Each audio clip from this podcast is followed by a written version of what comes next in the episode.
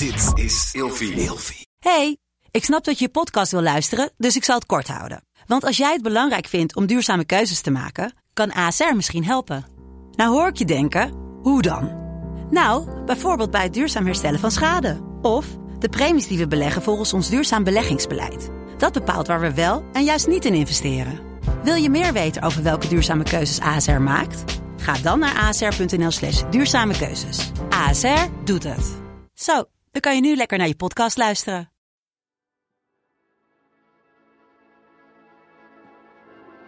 Inclusief ouderschap.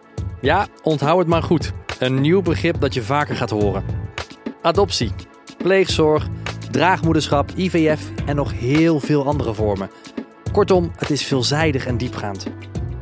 Mijn naam is Diego González Clark en ik ben alleenstaande adoptievader van een prachtige zoon. En ik onderzoek de weg naar inclusief ouderschap. Welkom bij weer een nieuwe aflevering. Ja, en zoals je van me gewend bent, iedere week weer een nieuwe aflevering met een andere gast. En vandaag heb ik ook weer een hele bijzondere gast aan tafel zitten. Ik ga zo meteen eventjes aan je voorstellen. Uh, je weet natuurlijk, het is ofwel een ervaringsdeskundige ofwel een expert, ofwel misschien beide. En uh, de persoon die tegenover mij zit is vandaag Lisa Vink. Nou, Lisa is nu 26 jaar en zij werd geadopteerd uit de Verenigde Staten. Toen zij nog maar drie jaar oud was. Drie dagen. Drie dagen. Drie dagen. Wat zeg ik nou weer? Ja. Is, die staat ook gewoon drie dagen. Ik ben gewoon zenuwachtig, dat zal het zijn. um, en ze heeft ook een broertje en een zusje. En ze zijn samen een tweeling. Uit een ander gezin. Vanuit de VS geadopteerd ook toen Lisa, toen was jij twee jaar. Ja, klopt. Nu zeg ik het goed. en je hebt altijd al geweten wie jouw biologische moeder was. Uh, maar pas sinds tien jaar heb je contact met jouw biologische vader. Die voor die tijd niet wist dat jij eigenlijk bestond. Klopt inderdaad, ja. ja. Nou, hier bij deze aflevering ga je vertellen over je adoptieverhaal. Alle uitdagingen die de adoptie mee heeft gebracht. En natuurlijk ook nog eens hoe deze adoptie jou heeft gevormd tot de Lisa die jij nu bent. Ja, leuk. Welkom dat je er bent. Dankjewel, leuk. Nou, voordat we gelijk de diepte ingaan, wil ik überhaupt gewoon even weten... Wat houdt jou bezig? Heb jij leuke dingen waar je mee bezig bent? Um, op het moment ben ik met hele leuke dingen bezig eigenlijk. Ik ben uh, in verwachting van mijn eerste kindje. Oh, kijk. Dus dat is natuurlijk uh, een hele leuke bezigheid. Uh, ik ga het alleen doen. Ik word alleenstaande moeder. En daar heb ik ja, daar sta ik heel zelfverzekerd in. Dus daar heb ik heel veel zin in. En buiten dat om ben ik heel hard aan het werk gewoon om uh, het leven draaiende te Goed houden. Goed zo. En ja. alleenstaand ouderschap is oké, okay, hè? Ja, zeker weten. Goed zo. Zeker weten. Heel dapper, heel sterk. En ja. dat gaat helemaal goed komen. Zeker weten. Wat mooi. Nou, um, ja, ik, ik ga je op de voet volgen en uh, Leuk. kan niet wachten tot het kleiner is. Ja, ik ook. zeg, ik, uh, ik had in de, in, de, in de introductie al gezegd, de Verenigde Staten. Ja.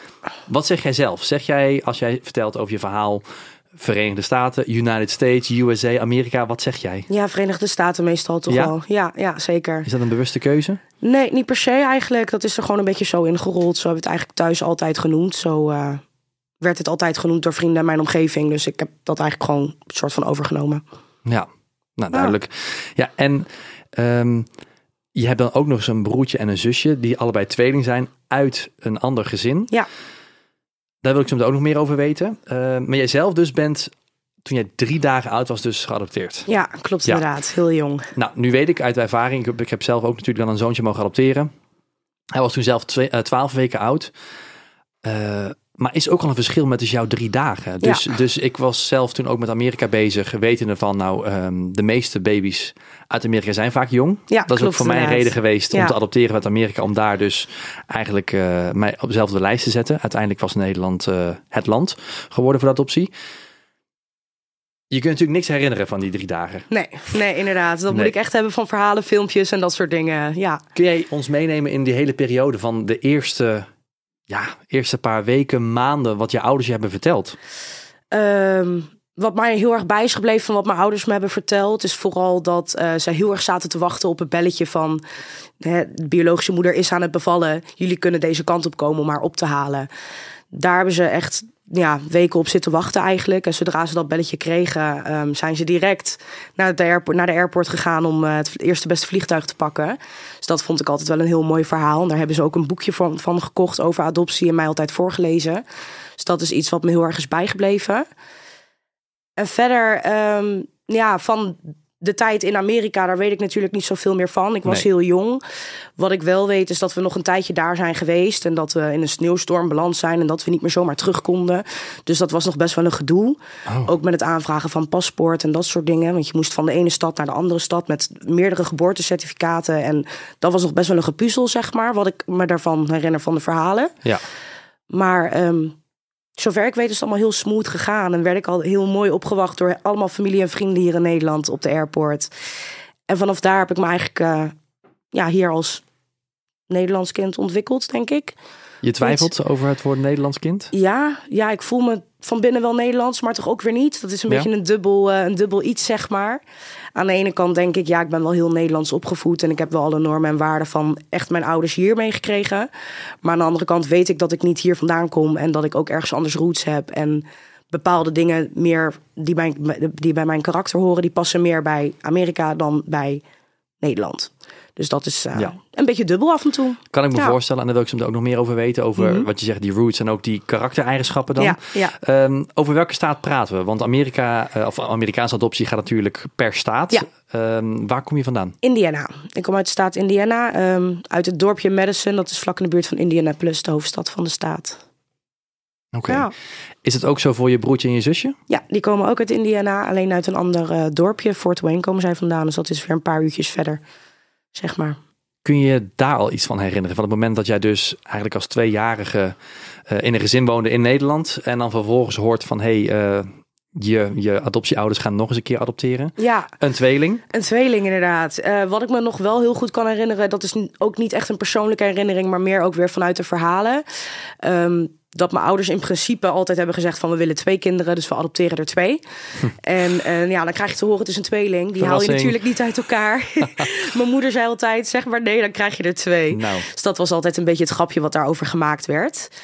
Ehm, wat ik me kan herinneren, vooral van videobeelden. Mijn ouders hebben altijd alles opgenomen. Dus we hebben Oh. alles op video. Dat is wel heel leuk. dat is fantastisch dat ze dat Ik hebben. was heel enthousiast en heel hu- behulpzaam. En ik wilde graag helpen en zorgen voor mijn broertje en mijn zusje. En eigenlijk vanaf het moment dat ze bij ons kwamen, wilde ik bij alles betrokken zijn. En mijn moeder zei ook altijd, toen jij er was, was het heel rustig. Toen kwam de tweeling erbij, toen was het gedaan met de rust. Toen was het klaar. toen was het klaar. Maar Ja. ook voor mij, want toen werd ik ook een stuk enthousiaster en drukker. En Zeker. ja, je krijgt een broertje en een zusje erbij. En op die leeftijd heb je natuurlijk niet in de gaten dat dat adoptiebroertjes en zusjes zijn. En dus geen bloedverwanten.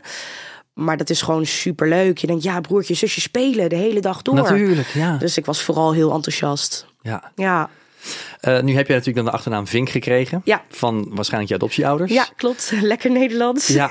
Is Lisa ook jouw adoptienaam of heb je die van je eigen moeder gekregen? Nee, ehm, mijn moeder heeft ehm, onze geboorteouders, dus ook van mijn broertje en mijn zusje, de kans gegeven om onze naam te geven. En dat zou dan onze tweede naam worden. En mijn geboortemoeder heeft daarvoor gekozen om dat niet te doen. Mhm. Wat ik aan de ene kant lastig vind en aan de andere kant het ook wel begrijp. Want ik denk dat dat voor haar misschien te dichtbij komt. Wetende dat ze afstand moet doen van haar kind. En als ze dat een naam geeft, wordt het misschien te echt voor haar, denk ik. Dat is hoe ik dat invul. Ja.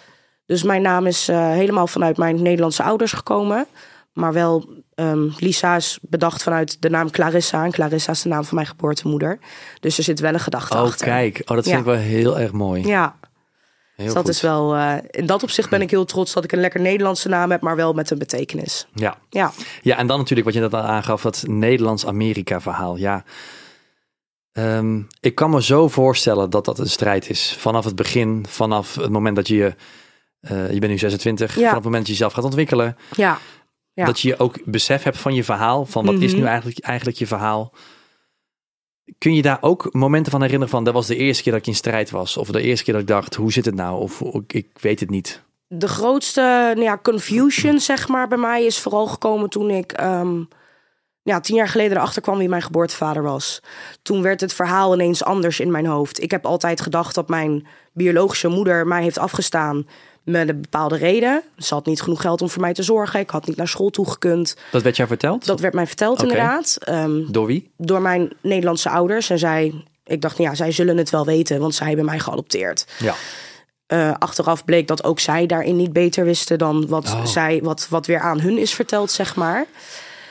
Maar vanaf het moment dat ik er dus achter kwam wie mijn biologische vader was, en dat komt wel door mijn geboortemoeder. Zij heeft via Facebook hem benaderd om mijn account door te sturen, zodat hij mij een bericht kon sturen. Wow, wacht. Ja. Nog één keer. Wie ging, wie ging wie volgen? Ja, mijn geboortemoeder heeft mijn ehm, geboortevader een bericht gestuurd. Ja.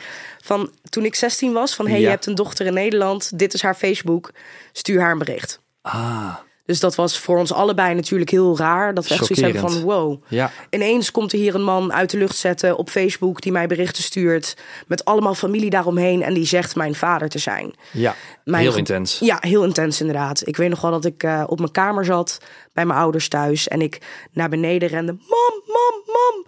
Wat is dit? Wie zijn dit? Is Oh. dit familie van mij? Dat ik helemaal door de war, in de war was Ja, en dacht natuurlijk. van... Wat de fuck gebeurt hier?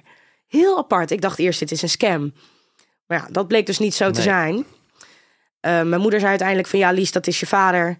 Ehm, Clarissa heeft mij een bericht gestuurd dat... eh, of het oké was dat zij hem een bericht zou sturen. Toen dacht ik, oké, aan de ene kant heel fijn... want ik heb dat altijd willen weten. En Ja. ook hoe dat is gegaan, zeg maar. En aan de andere kant, waarom laat je dat mij niet weten van tevoren? Ja. Voor mij was het echt een shock en kwam het heel erg uit het niets. Dus dat vond ik wel heel lastig. Dus daar is eigenlijk een beetje alles begonnen. Daar is het eerste balletje gaan rollen, zeg maar.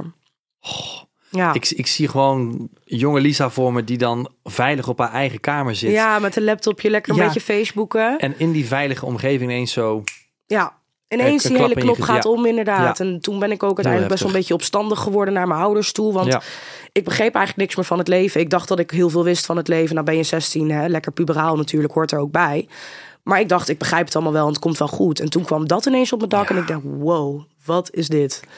Heb je, dat daar, wel, eh, eh, heb, je dat, heb je dat gedeeld met ze? Hoe je dat ervaren hebt?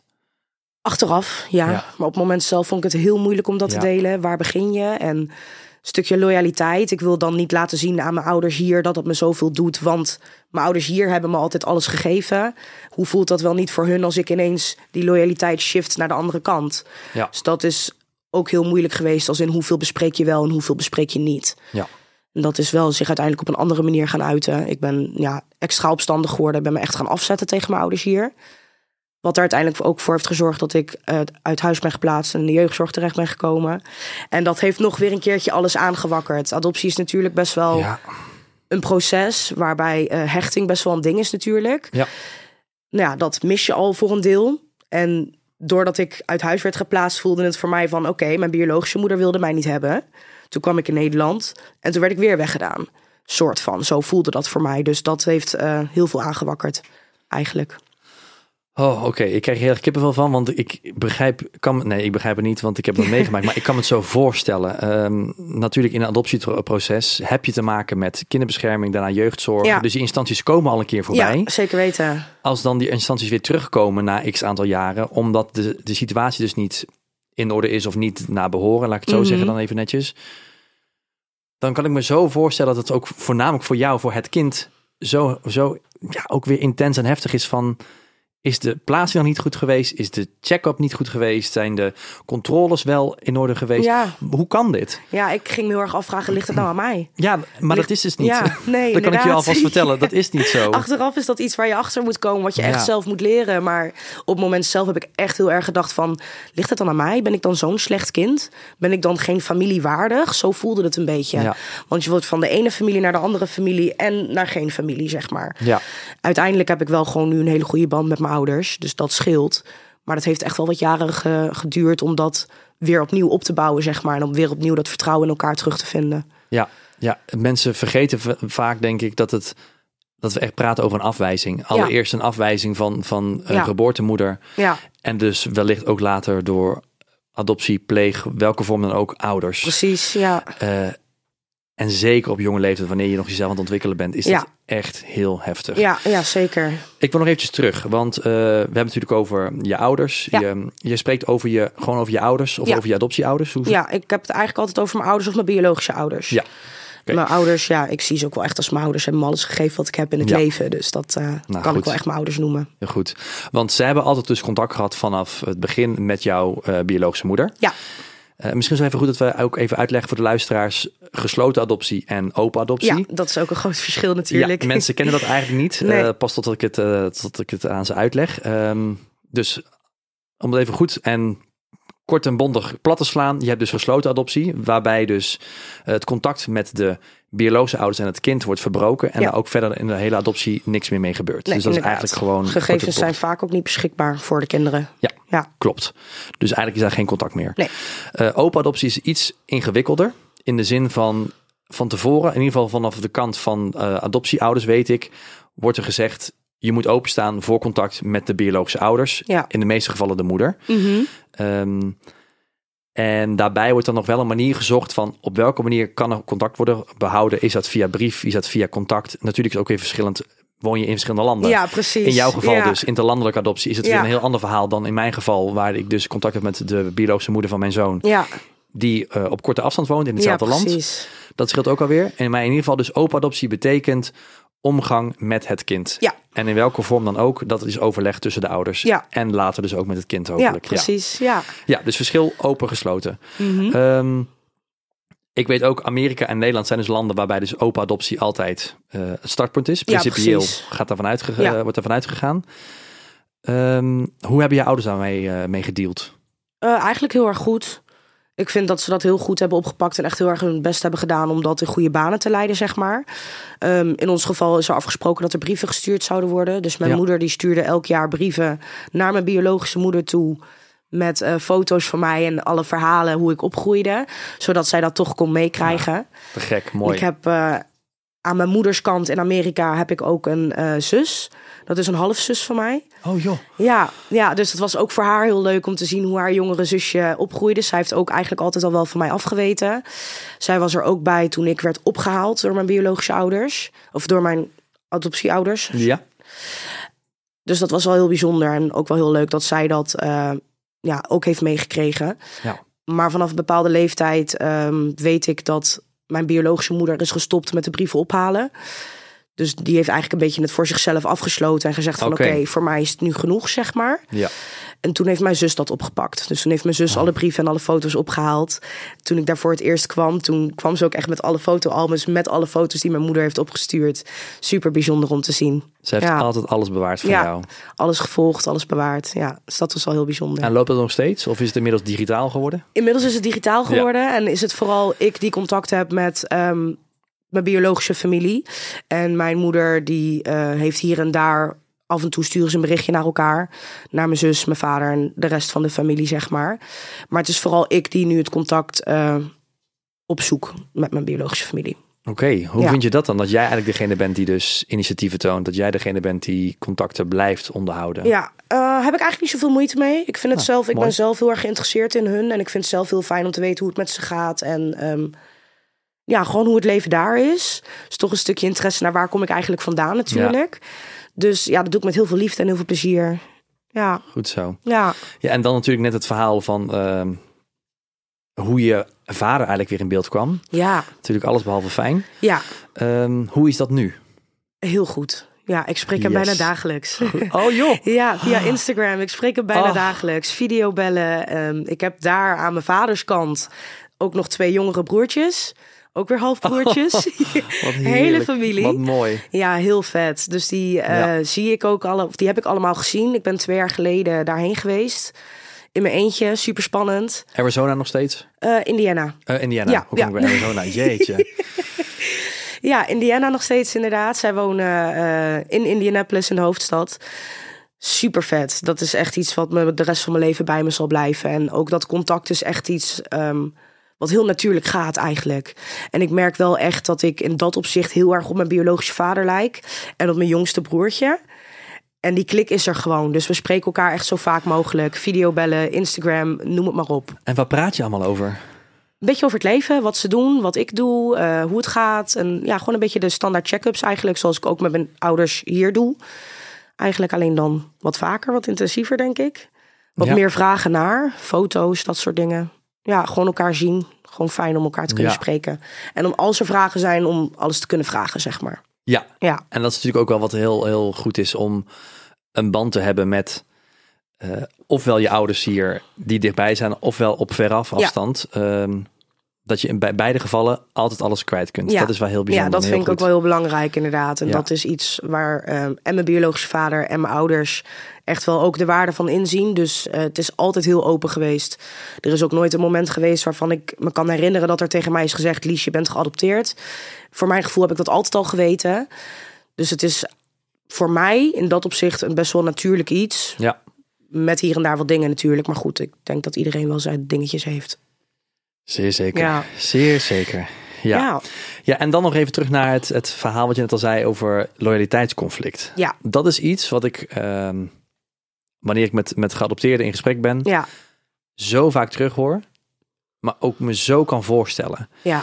Je zei al natuurlijk dat je het moment dat je contact ging hebben met je ouders, met je eh, biologische ouders, dat dan gelijk die shift komt van ja, maar ga ik nu mijn, mijn adoptieouders teleurstellen of niet? ja. Ehm, wat gebeurt er wanneer je erheen gaat of wanneer je dus dagelijks contact hebt met, Ja. met je biologische vader? Ja, Wat vinden zij inderdaad. daarvan?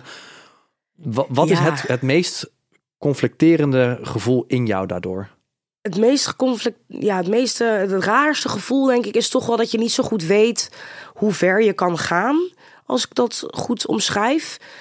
Ehm, ik weet dat ik het uiteindelijk voor mezelf doe en dat ik er gelukkig van moet worden. Zo probeer ik ook te leven, zeg maar. Ik leef voor mezelf en ik probeer mijn eigen geluk te creëren. Dus uiteindelijk doe ik het voor mezelf, maar ik vergeet niet waar ik vandaan kom, wie mij heeft opgevoed en wie mij alles heeft gegeven wat ik heb, zeg maar. Maar ondertussen, aan de andere kant, vergeet ik ook niet waar ik vandaan kom, waar mijn roots Ja. liggen. En dat, het, het is zo dubbel. Aan Ja. de ene kant wil ik alles bespreken met mijn ouders. En ook alles bespreken met mijn biologische vader in dit geval. Maar hoe ver kan ik daarin gaan zonder beide partijen te kwetsen? Klein voorbeeld, ik heb dan natuurlijk nu mijn eerste kindje op komst. Ja. Ehm, wij hebben best wel veel familienamen in Amerika, maar ook hier in Nederland, die eh, doorgegeven worden van generatie op generatie. Oh, dan moet je daarover na gaan denken. Daar moet je over na gaan denken. Waar kies je voor? Wat doe je? Kies je een Nederlandse familienaam? Kies je een Amerikaanse familienaam? Kies je ze allebei? In welke volgorde doe je dat dan? Ja. En als je het helemaal niet doet, kwets je dan niet iedereen aan alle kanten heel erg? Dat zijn echt dingetjes waar ik s'nachts wel van kan wakker liggen. Dat vind ja. ik echt oprecht heel vervelend dat dat iets is wat jou dus wakker houdt. Ja, ja. Ik denk dat de, half, de halve wereld daar niet eens over nadenkt. Nee. Wanneer ze ouder worden. Nee, inderdaad. Ten tweede ook dat er heel veel mensen niet in die situatie staan. Nee, nee, dat ze niet eens over na te denken. Dat, dat zij gewoon heel klakloos een achternaam nemen en een Ja, voornaam. Ja, precies. Want dat is er, that's it. Ja, En je hebt zoveel belangen eigenlijk. Maar misschien ook omdat jij dan dus voor iedereen het goed wil doen. Ja, ja dat En is dat het is echt dat- een dat beetje inderdaad. loyaliteitsverhaal. Ja, ja, inderdaad. Je wil echt beide partijen te vriend houden, om maar even zo te Ja. zeggen. Je wil iedereen gewoon dicht bij je houden, zonder dat er conflict ontstaat tussen die beide partijen of tussen mij en Ja. een van de twee partijen. En dat is echt heel moeilijk om dat in goede banen te leiden. En ik weet dat mijn ouders heel veel kunnen hebben en dat ik heel veel met ze kan bespreken. Maar het voelt soms voor mij alsof ik, als ik te veel zeg, dat ik ze kwets. En ik weet niet of dat ook echt zo is, want dat vind ik moeilijk om dat te bespreken met ze. Maar dat ja, voelt voor mij wel zo. En hetzelfde aan de andere kant, zeg maar. En kun je dit conflict dan wel met hun bespreken? Dat jij gewoon letterlijk, wat jij nu tegen mij zegt van... hey, die naam komt eraan, want ik wil heel graag mijn kind een naam Ja, geven. En ja. terecht. Ja, ehm, Hoe vlieg je dat aan? Dan kun je dat met hun bespreken. ik kan het zeker met ze bespreken. Maar ik vind dat zelf heel moeilijk om dat met ze te bespreken. Omdat ik toch bang ben voor een bepaalde reactie die mij misschien teleurstelt. Of die mij misschien, mij misschien kwetst. Ja, of je misschien ook alweer in een richting duwt van... oké, dus ze hebben zo gereageerd. Dus, Dus, ik moet nu eigenlijk wel, want op- anders. ja. Ja. precies. Ja, daar ben ik ook inderdaad zeker wel bang voor. En dan moet ik ook heel eerlijk zeggen: mijn ouders zijn schatten. Ik hou heel veel van ze, maar ze zijn niet heel open in dat opzicht. Ik weet dat ik het kan aankaarten en zij zullen dan zeggen: ja, oké, nou ja, je moet doen wat jij wil. En dan denk ik: ja, maar hier heb ik precies niks aan. Nee, en uiteindelijk zullen ze altijd wel een mening hebben, maar Ja. die houden ze voor zich. Ja, precies. En dan ga je dat achteraf toch merken in hoe ze zich gedragen en hoe ze zich openstellen naar je, zeg maar. En daar ben ik heel bang voor. Ja, ik denk eh, zeker ook in mijn puberteit hebben we dat ook meegemaakt dat er conflict kwam. En dat ik ehm, heel hard heb geroepen, nou, ik ga wel terug naar Amerika. En dan achteraf denk ik, ja, dat had ik eigenlijk nooit mogen zeggen. Want zij hebben zoveel moeite gedaan om kinderen te krijgen, om mij te krijgen. Ja, maar is Ja. dat zo? Ja, dat, ja zo, Is- zo zie ik dat. En zo hebben ze mij dat verteld, denk ik. Achteraf denk ik misschien, dat is niet een heel reëel beeld... wat ik dan voor mezelf schets in mijn hoofd. Maar ja, kom daar maar eens vanaf. Dat ten eerste, hoe kom, je, Ja. hoe kom je er weer vanaf inderdaad? Maar ten tweede, denk ik, in het begin had dat nooit gezegd kunnen of mogen worden. Nee. In mijn ogen. Want Ja. Ik ben natuurlijk dan een adoptievader, dus ik zit Mhm. hier in een andere hoedanigheid dan jij. Ehm, en ik heb ook niet de wijsheid in pacht, maar ieder kind dat op de wereld komt, heeft natuurlijk gewoon de vrijheid om te gaan te staan waar ze willen. Ja. In zekere zin, in ieder geval in de westerse wereld. Ja, Eh, precies. want er zijn natuurlijk plekken op de wereld waar mensen echt niet vrij zijn, helaas. Inderdaad, helaas. Die mogen we ook zeker niet vergeten, die mensen. Nee, Ehm, maar het mag niet zo zijn dat omdat jij geadopteerd bent, dat jij dan maar moet denken van oké, dus ik zal, ik zal hier maar blijven, want het is mij gegund om hierheen gehaald te worden.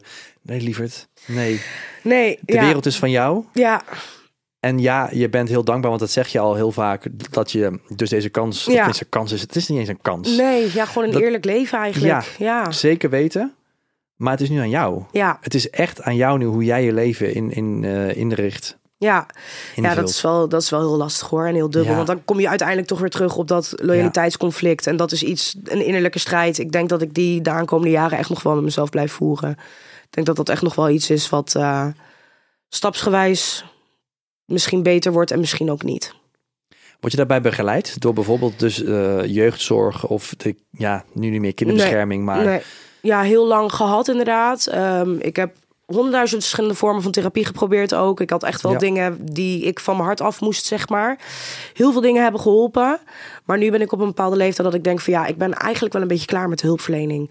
Ik heb zoveel geprobeerd en ik heb zoveel gedaan. En het gaat eigenlijk heel goed met me. Ik ben heel stabiel. Is het voor mij de moeite waard om het nog een keer allemaal op te halen? Op het moment niet. Op het moment heb ik zoiets van: het is nu goed, het is stabiel. Ik heb met beide een goede band en veel contact. Ik denk dat het voor nu oké is. En ik denk dat op het moment dat ik een bepaalde keus eh, ga maken: van wil ik hier blijven, wil ik daar naartoe. Waar ik ook over na heb gedacht met de komst van de kleine: wil ik dat hier doen, wil ik dat daar doen. Ik heb altijd eigenlijk al wel het gevoel gehad van: welke kant ga ik op uiteindelijk? Ik denk dat tegen de tijd dat ik daarin een beslissing heb genomen, dat ik zoiets heb van het komt dan wel. Ja. Voor nu ben ik tevreden met hoe het nu loopt, zeg maar. ja, Ja, heel goed. probeer het vooral niet te ingewikkeld voor mezelf te maken, want het is al ingewikkeld Ik genoeg. wou net zeggen, Ja. dat heb je al. Het- Ja, De complexiteit zit al in je leven helaas. Ja, precies, En ik denk ja. dat het ook wel gepaard gaat met adoptie. En dat mogen we ook niet vergeten. Het moet niet zo zijn van nou, ehm, je bent geadopteerd, laten we het zo makkelijk mogelijk voor je maken. Dat, dat zal altijd zijn en blijven. Maar ja, wat ik zelf vind en voel en ook heel graag uitdraag, is dat de complexiteit moeten we niet eh, negeren. Nee. We moeten Nee. het omarmen eigenlijk. ja, En tegelijkertijd ook altijd openstaan om daarin te ontwikkelen. Want je hebt dus te maken met het kind. En het belang van het kind staat natuurlijk voorop. ja, zeker. Uh, maar het lijkt te vaak dat de instanties rondom adoptie gefocust zijn op de adoptieouders. Ja. Hoe ga je het inrichten? Ja. Hoe gaan we jou uh, controleren? We gaan je natuurlijk van medische keuring tot en met een huizencheck en uh, je Alles erop en eraan. Fantastisch. Goed dat daar wordt gecheckt. Zeker, zeker. Want er zijn te vaak ook mismatches of te vaak dat het net anders verloopt. Ja, precies. Um, en hoeverre is het ook echt dan dat het blijkt te werken? Want, nou, wat ik zeg, te vaak nog steeds uh, mismatches. ja, zeker. Um, maar we moeten kijken naar het kind. En het Ja. is te vaak nog steeds dat, dat de systemen opgericht zijn. Voor de ouders. Juist. Ja, ja klopt inderdaad. Ja. Ja. dat, eh, ja, dat is ook wel iets inderdaad waar ik tegenaan ben gelopen in de jeugd. Ik denk dat als mijn ouders meer gefocust waren op... of meer geleerd hadden over hoe om te gaan met een kind met hechtingsproblematiek. Want dat is eigenlijk vanaf dag één als je binnenkomt heb je dat. Ja. Zelfs als je drie dagen oud bent en geadopteerd wordt... is dat iets wat je meekrijgt. Ja. Dan hoe moet ik een kind opvoeden? Ik heb het idee dat adoptie en het hele proces vooral heel erg gericht is op hoe moet ik een kind opvoeden, want het gebeurt niet biologisch, zeg maar. Tenminste, dat is wat ik ervan zie, hè? Van waar Nee, ik, je hebt ik helemaal het gelijk. zie. Je hebt helemaal gelijk. En ik denk het moet meer gericht zijn op, op, het, ja, op het kind inderdaad en de cultuur en dat soort dingen. Ik denk dat dat veel belangrijker is dan hoe moet ik een kind opvoeden. Ik Ja. moet dat nu ook zelf uitzoeken. Ik krijg daar ook geen cursussen en lessen in en dat soort dingen. Nee. Dus ja, Nee. En dan zie je maar weer dat het de sfeer is gericht op de ouders. ja precies. Nou, ja. brengt me wel op het volgende, want ik had al een, eh, een nieuwsbericht eh, klaar liggen, wat ik met jou eigenlijk heel graag wilde bespreken. Want dit, Ja. gaat- dit slaat ook deels op, op ja, jouw adoptietraject, eh, deels op dat van mij. En ook deels ook wat er nog gaat komen. Mhm. Want even kijken, op 8 februari 2021 is dus het ad- adopteren van kinderen uit het buitenland stopgezet. Ja, En dat is- werd gebeurd door de toenmalige minister voor rechtsbescherming, minister Dekker. Nou, naar aanleiding daarvan is er een rapport opgesteld van de commissie Joustra. En daaruit bleek dat er meermaals misstanden waren geweest. Dat die hadden plaatsgevonden bij buitenlandse adoptie. Ja. Nou, dat is onderzocht. Die zijn naar boven komen drijven. En, maar goed ook, want het waren en te veel. Volgens mij iets meer dan 400 zaken Ja, eh, over de jaren heen. ja, En ehm, even kijken, toen is hij uitgekomen dat ze toen hebben gezegd: wij gaan uit zes geselecteerde landen weer adoptie mogelijk maken. Maar VS, Amerika stond er niet meer tussen. ja, Dus die werd ervan afgehaald. En de reden daarvoor was: eh, het kabinet heeft gezegd dat er namelijk genoeg passende opvang te vinden is voor kinderen in de Verenigde Staten.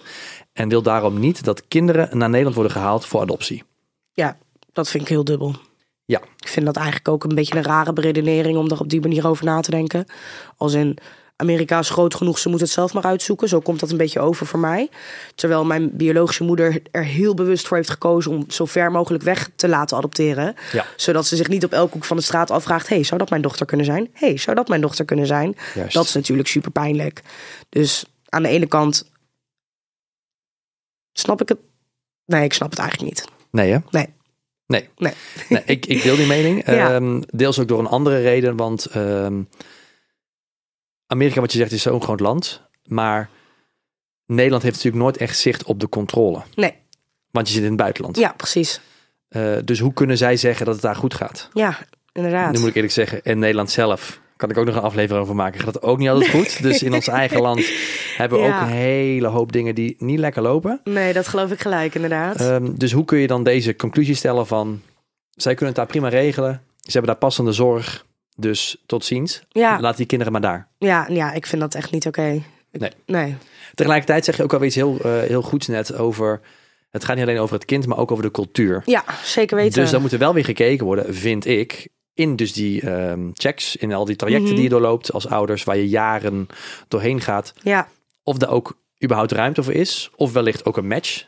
Dat je dus juist kijkt van... hey, dit zijn mensen ook met een andere cultuur... die Ja, begrijpen dit. precies, precies. Ofwel ouders die dat niet hebben, die hartstikke Hollands zijn, maar er wel voor openstaan en dus ook begrijpen wat een kind zou nodig kunnen hebben in de Ja. toekomst. Ja, dat vind ik heel belangrijk. En ik denk dat dat echt iets is wat we missen. Dat, Ja, exact Ja. dat. Want dat was mijn volgende vraag eigenlijk. Hoe denk jij dat we dit kunnen gaan inrichten? Want eh, de Nederlandse adoptiewet is nu aan het veranderen, de hele, Mhm. het hele systeem is aan het veranderen.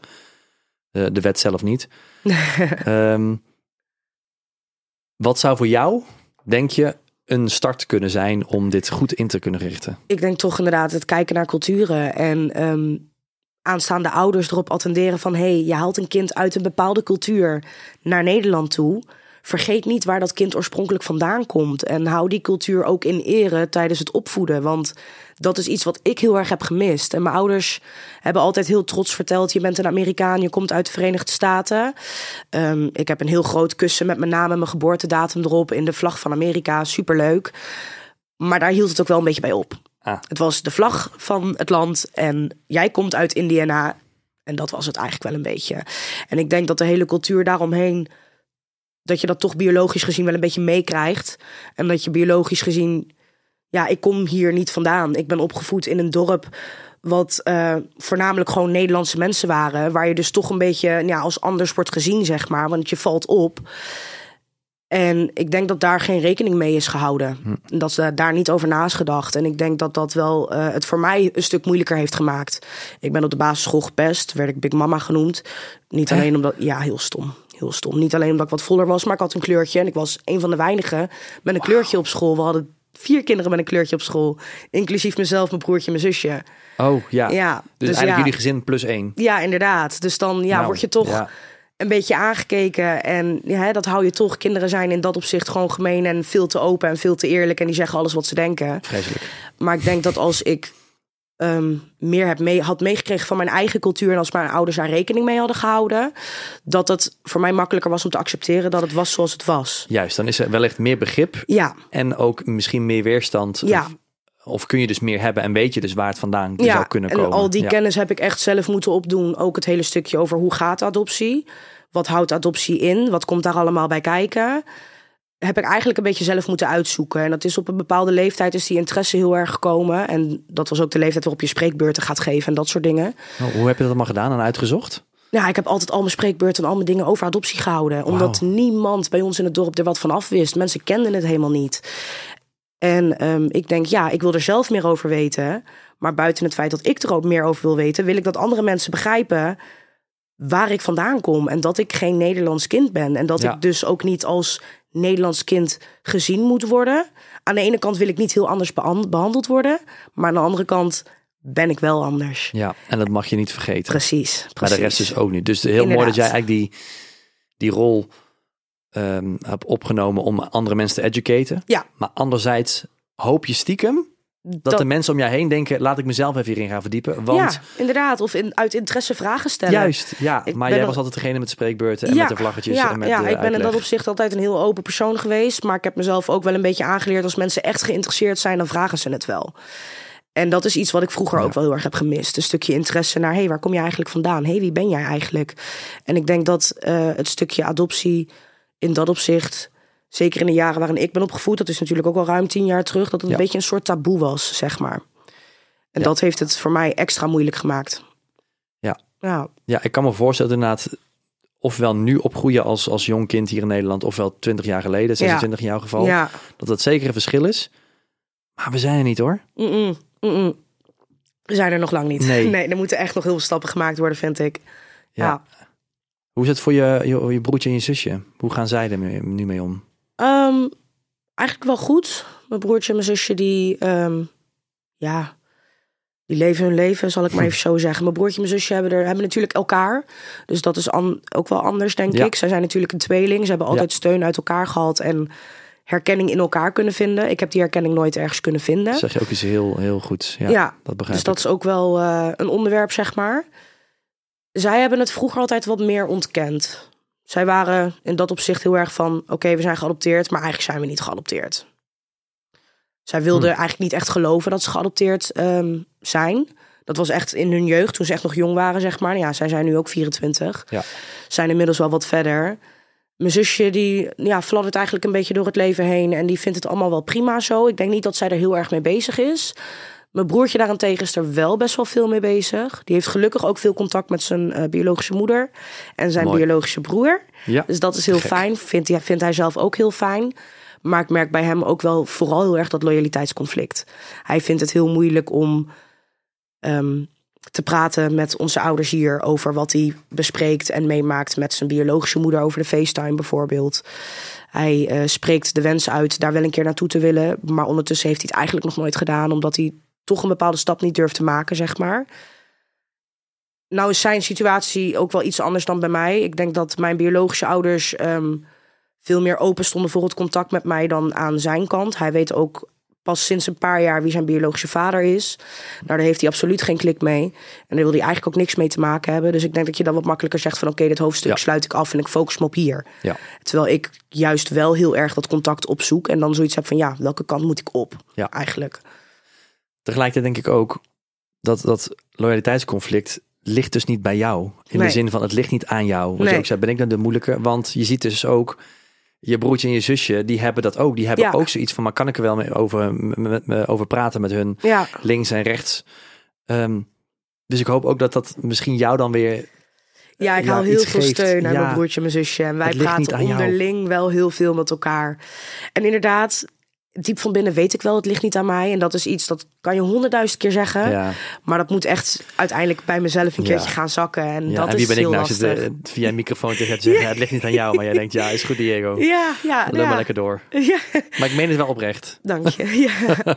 ja, diep van binnen weet ik dat ook wel. Maar goed, diep van binnen weet ik zoveel. Maar ja, het, het uitzicht toch anders. En het gevoel is toch anders. En Ja. dat is lastig. Het leven. Ja, Ja. ja, inderdaad, leven. Waar voel jij je echt Amerikaans in? Dat is een hele goede vraag. Dat is een hele goede vraag.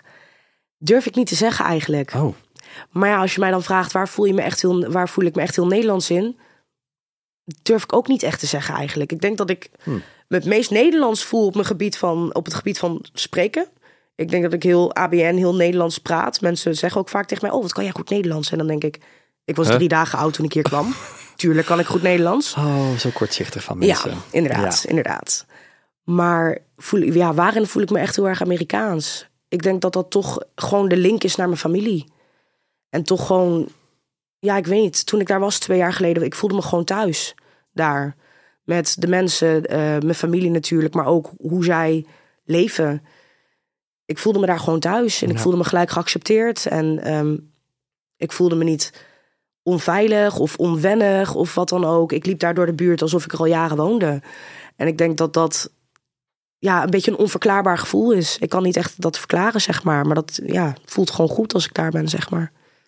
Heel goed. Ja, Doe je ook iets aan, aan Amerikaanse feestdagen? Want je had het over, over cultuur. Je had het over dat dat ook voor het adoptietraject zou meegenomen moeten worden. ja, ja vind ik wel. Nou, wat neem je dus- zelf mee? Ehm, ik probeer de Amerikaanse feestdagen vooral ja, echt te vieren. Niet per se, daar ben ik echt niet mee opgevoed, zeg maar. Dat vind ik dus wel heel erg jammer. Dat bijvoorbeeld een Thanksgiving en een Halloween... dat dat, ja, dat leeft niet hier. Nee, absoluut niet. Maar goed, ik denk wel dat mijn ouders dat een soort van binnen ons gezin levend hadden kunnen maken. Oh, absoluut. Zeker. En Ja. dat vind ik wel jammer, want ik heb dus ook zelf moeten opzoeken wat is Thanksgiving eigenlijk? Ja. Waarom bestaat Halloween eigenlijk? En dat, ja, dat vind ik dan toch wel jammer. Jeetje, wat heb je veel op moeten zoeken? Ja, Van adoptie tot en met spreekbeurten Ja, en van feestdagen inderdaad. tot en met eh, tractaties voor Halloween of zo. ja, ja, alles inderdaad. Ja, Ik vind het heel goed dat, dat, dat dus die, ehm, dat het besef in jouzelf zit. Maar ik vind ook dat dat bij andere mensen om jou heen kan liggen. Ja. Of had moeten liggen. ja, ja. En het is natuurlijk voor mij makkelijk praten nu ik zelf eh, adoptievader ben. En denk van, eh, oh ik ga het anders doen. ja. Ik moet ook maar zien hoe, hoe, hoe het bij mij gaat zijn als, hoe dat dan eh, loopt inderdaad. als mijn zoon jouw leeftijd heeft. Ja, precies. Maar het is natuurlijk ook een, een generatieding waarin eh, het internet natuurlijk beschikbaar is. Ja, ja. Jij en ik kunnen makkelijker dingen opzoeken dan dat eh, onze ouders dat vroeger deden. zeker. Maar dan blijft er altijd nog de intrinsieke motivatie en de interesse. Hoeveel wil je dan echt van weten? En dat is eigenlijk onuitputtelijk. Je kunt Ja. altijd meer weten dan dat je nu weet. Je kunt altijd meer vragen. Ja, inderdaad, inderdaad. en dat ben- zit in jou en dat is zo sterk. Ja, ja En- ik ben echt in mijn eigen cultuur, maar ook in het hele stukje adoptie. Ik vind het een heel bijzonder iets. Met twee kanten, zeg maar. Ik vind Ja. het bijzonder mooi, maar ik vind het ook bijzonder lastig. En daardoor wil ik eigenlijk van alle kanten zoveel mogelijk weten. Gewoon om voor mezelf een soort van tot een bepaalde conclusie te kunnen komen. Of tot een bepaald begrip te kunnen komen. Weet ik niet of ik dat ooit ga bereiken hoor. Maar ehm, ik heb gewoon heel veel interesse. Ik vind het gewoon heel leuk. Het is ook iets waar ik later me eh, graag mee bezig zou willen houden. Met het helpen van geadopteerde kinderen die ehm, uiteindelijk ja, weer zich alleen voelen in de wereld, zeg maar. Ja. Ja. Het is een beetje, je bent vreemd aan beide kanten. Je bent vreemd in Nederland, maar je bent ook vreemd in Amerika. En dat is voor mij een heel erg struggle, nog steeds. En ik denk dat het wel heel mooi is voor kinderen die dat ook meemaken... om met iemand te kunnen praten die daar ook ervaring in heeft. Dus dat is iets wat ik later graag zou willen doen. Ja. Ja, En zulke instanties zijn natuurlijk ook. ehm, een instantie zoals jeugdzorg is daar ook Ja. echt bij gebaat. Omdat Ja. je natuurlijk zelf ook aangaf. Je bent zelf daarmee in aanraking gekomen. ja. Ik ben eigenlijk wel heel erg benieuwd, als je het wil delen natuurlijk. ehm, wat is de exacte reden waarom zij überhaupt zijn gekomen? Weer terug in je, in je leven. En de reden van uithuisplaatsing. Eh, de reden dat zij terug zijn gekomen is eigenlijk echt omdat ehm, ik me op een bepaalde leeftijd ben gaan afzetten Ja. tegen mijn ouders. En mijn zusje deed dat op dezelfde leeftijd ook, of na op dezelfde leeftijd, op dezelfde periode ook Ja. heel erg. Waardoor er een bepaalde spanning in huis kwam te hangen die eigenlijk gewoon op een bepaald punt niet meer draagbaar was voor mijn ouders. Waar ik, Maar voor jullie ook niet? Of was het Ik- voor jullie wel vol te houden? Ja, hmm, vind ik lastig. Achteraf gezien denk ik, was het vol te houden? Misschien niet. Misschien dat het inderdaad wel gewoon te veel is geweest. Maar was dit de juiste keus? Nee, daar ben ik niet met ze eens. Dus aan de ene kant begrijp ik ze wel, maar aan de, andere, aan de andere kant denk ik dat er meer gedaan had kunnen worden vanuit huis, zeg maar. Ja. Dus dat vind ik jammer dat ik die kans niet heb gekregen. En dat ik eigenlijk gelijk een soort van ja, eruit ben gebonjourd.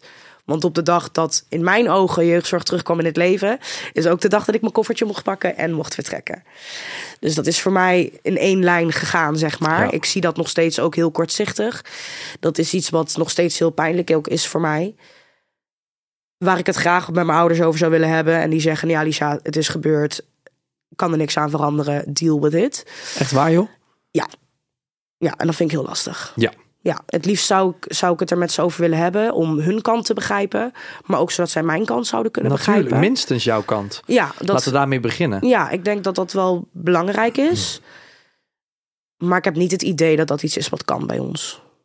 En wat is dan echt als reden opgegeven dat je je, je spullen mocht pakken? Wat is er tegen jou gezegd? Wat er tegen mij is gezegd. ehm, het ging op dat moment niet zo heel goed op school. Ik was ook op school me lek- lekker aan het afzetten. Ja.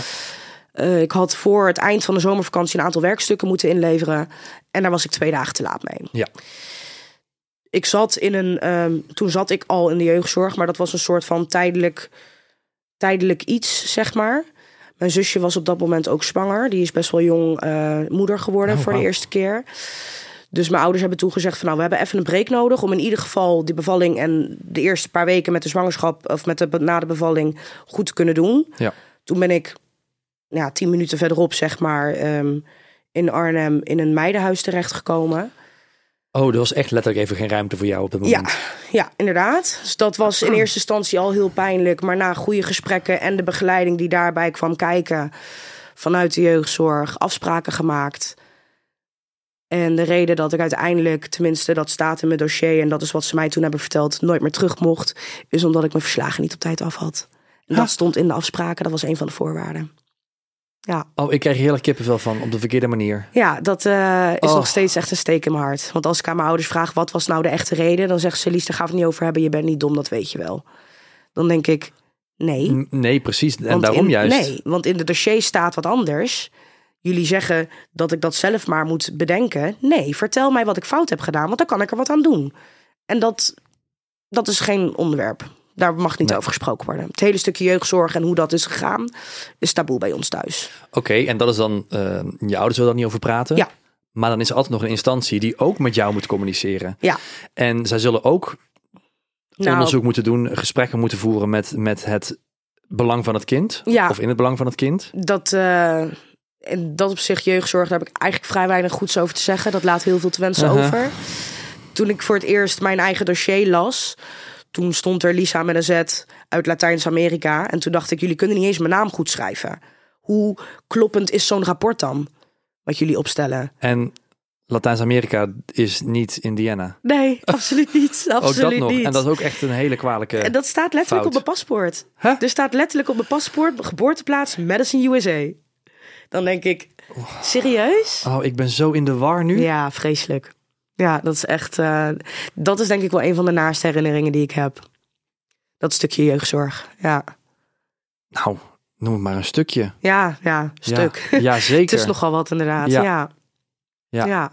Dus dan is eigenlijk jouw missie, kan ik me zo voorstellen, nog meer van belang. Want het gaat ook over je eigen verhaal, wat dus Ja. niet is goed, goed is begeleid. Ja, en jij zeker miste dus weten. waarschijnlijk iemand die dat wel kon doen voor jou. Ja, een ervaringsdeskundige. Iemand met wie ik kon praten die nou, misschien niet precies hetzelfde verhaal heeft, maar in ieder geval iemand die kan begrijpen waar ik vandaan kom. Dus iemand die ook uit een niet normale thuissituatie komt, zeg maar, om het even zo te zeggen. Niet iemand die veel ruzie had met ouders of waar het met tussen ouders onderling niet goed ging, maar iemand die begrijpt hoe het is om buitenstaander Ja. te zijn in een land waar je wordt opgevoed eigenlijk. Ja. En dat, ja, dat miste ik heel erg. Ja, En dat plekje wil je nu gaan innemen. Ja. Gaan, gaan opvullen. ja zeker weten. Ja, dat is wel echt een beetje een levensdoel voor mij, zeg maar. Ja, Oh, ik ben helemaal onder de indruk van je verhaal. En vooral ook omdat het op zoveel vlakken schuurt. Ja. Of zelfs gewoon, ja, kan ik gewoon zeggen, gewoon fout is gegaan. ja eigenlijk wel, ja. Ja, zeker. Ja. Ja. Oh mijn god. Oké. Ehm, nou, en je wordt natuurlijk eh, hopelijk een, een mooie, fantastische, gezonde moeder. Ja, ja, zeker. Hoe is dat met, jou, met jouw ouderwens gegaan? Met, met ja, het verhaal van, hey, ik ben zelf ook ooit een kind geweest. Ehm, ik denk... Contact met je, met je ouders, wel Ja. niet, wel niet. Eh, heb je altijd al gedacht van, nou, ik wil wel een, een ouder worden ooit? Of? Ja. Ja, ik heb eigenlijk al vanaf het moment dat ik daar bewust over na kon denken, altijd al gezegd dat ik zelf kinderen zou Ja. willen. Ehm, ik heb vroeger wel eens de gedachte gehad van, nou ja, als ik zelf kinderen heb, dan kan ik mijn ouders laten zien hoe het wel moet. Ja, Stomme gedachte natuurlijk, want mijn biologische kinderen, of mijn kind wat nu op komst is, is een biologisch kind. ja. Dat heeft niks met adoptie te maken, dus dat is natuurlijk een stomme gedachte. Maar ik denk doordat ik geadopteerd ben en doordat ik een stukje hechting heb gemist, dat de drang naar het krijgen van een biologisch kind nog groter is. Ik heb altijd dat gewild. Ik ben zelf ook altijd al vanaf kleins af aan met kinderen in aanraking geweest, omdat ik het leuk vind. Ja. En ik heb echt een passie voor kinderen. En eigenlijk ja, vanaf het moment dat ik wist dat ik zwanger was, dan ja, zat ik op die roze wolk. En wist ik, dit ga ik doen, hier ga ik voor. Dit, dit is mijn levensdoel. Fantastisch. Ja, ja dit is, dit is, nu word ik wie ik moet zijn, zeg maar. En dat is mama Lisa. Dus ik hoop dat dat ook zo gaat. Mama Ja, Lisa. Ja, mama Lisa, ja. Ja. Dus dat is wel eh, ja, een grote droom die uitkomt. Als het niet gegund was om biologisch zwanger te raken, had je dan voor adoptie gekozen? Ja. Of ja? Ja, ik denk dat ehm, geadopteerde kinderen de allerbeste kandidaten zijn om kinderen te, te adopteren. Want ze begrijpen wat het is. Ja. En dat is ook wat ik denk ehm, waar meer aan gedaan moet worden en op getraind moet worden bij ouders, aanstaande ouders die willen adopteren, is echt het begrip van naar het kind toe. En ik denk dat als jij zelf geadopteerd bent en dus een kind adopteert, ja, niemand gaat jou beter of dat kind beter begrijpen dan jij, want je hebt het zelf meegemaakt. Ik denk dat dat eh, iets heel moois zou zijn. Dat is zeker. Heb ik wel weer een, een, kritische vraag. Want ja? zou het dan betekenen dat, dat ehm, het zou afgeraden moeten worden om voor hun dan biologische kinderen te krijgen? Dat je zegt van, ga eerst voor adoptie en ga dan pas zelf proberen? Nee, dat denk ik niet. Ik denk dat dat eh, vrij moet staan voor de ouder Ja. zelf. Ik heb er zelf ook heel lang over nagedacht dat in een ideale situatie wil ik en een eigen kind en een kind adopteren. Ah, ja. Toch omdat Ja. ik vanuit binnen, vanuit mezelf heel erg het verlangen heb naar iets biologisch, iets wat echt van mij is. En waarom? Omdat ik eh, zeker in mijn jongere jaren echt heb gehad dat ik het gevoel heb gehad dat ik iets miste. Doordat ik ehm, toen nog niet zoveel contact had met mijn biologische vader en niks afwist van broertjes, zusjes en dat soort dingen. Had ik echt, ik heb altijd wel het, ja, je hebt het gevoel dat je er niet bij hoort, dat je hier niet thuis bent, zeg maar. En ik denk dat dat een soort ja, gevoel van thuis creëert als je iets hebt wat echt van jou is, zeg maar. Ja. Ik had hier altijd een beetje het idee ehm, dat de dingen die ik had, de dingen die ik kreeg en eh, dat soort dingen, dat het niet van mij was. En als je dan een eigen kind krijgt, ja, niks is meer van jou dan jouw eigen kind, zeg maar. Maar aan de andere kant heb ik ook altijd wel nagedacht over adoptie, omdat ik mijn verhaal heb, zeg maar. Ja. Dus ik denk, eh, in een ideale wereld kan ik van beide kanten dat wat, wat doen. Ja. Je bent hartstikke jong. Ja, ik heb nog alle tijd. Alle tijd eerst voor de kleine gaan zorgen. Precies. En goed precies. voor jezelf gaan zorgen. Ja, zeker weten. En dan zie je in de toekomst wel... ehm, Hoe het allemaal gaat. en of je voor, voor andere kinderen kunt gaan zorgen ja, precies. En je hebt natuurlijk je missie. Ja, inderdaad. En ik denk dat ik daar ook al heel veel mee kan doen. En dat dat misschien al wel genoeg is, zeg maar. Ja. Voor mij gevoelsmatig. Ja. Nou, Heel goed, heel goed. ja, Nou, dankjewel voor jouw open en eerlijke verhaal, Lisa. graag gedaan. Jouw missie is maar hartstikke duidelijk. Ehm, en natuurlijk ook eigenlijk het, het terugkerende fenomeen van loyaliteitsconflict wat je Ja. zegt. Ja, Ik begrijp je, maar ik ga het nog één keer zeggen tegen je. Jij bent meer dan genoeg en het ligt niet aan jou. Dankjewel. echt niet, echt niet. Je bent een schat. dankjewel. Dankjewel voor je tijd. Dankjewel, jij ook bedankt. Goed zo. Dankjewel voor het luisteren weer. En tot de volgende aflevering met weer een heel interessant en inspirerend verhaal.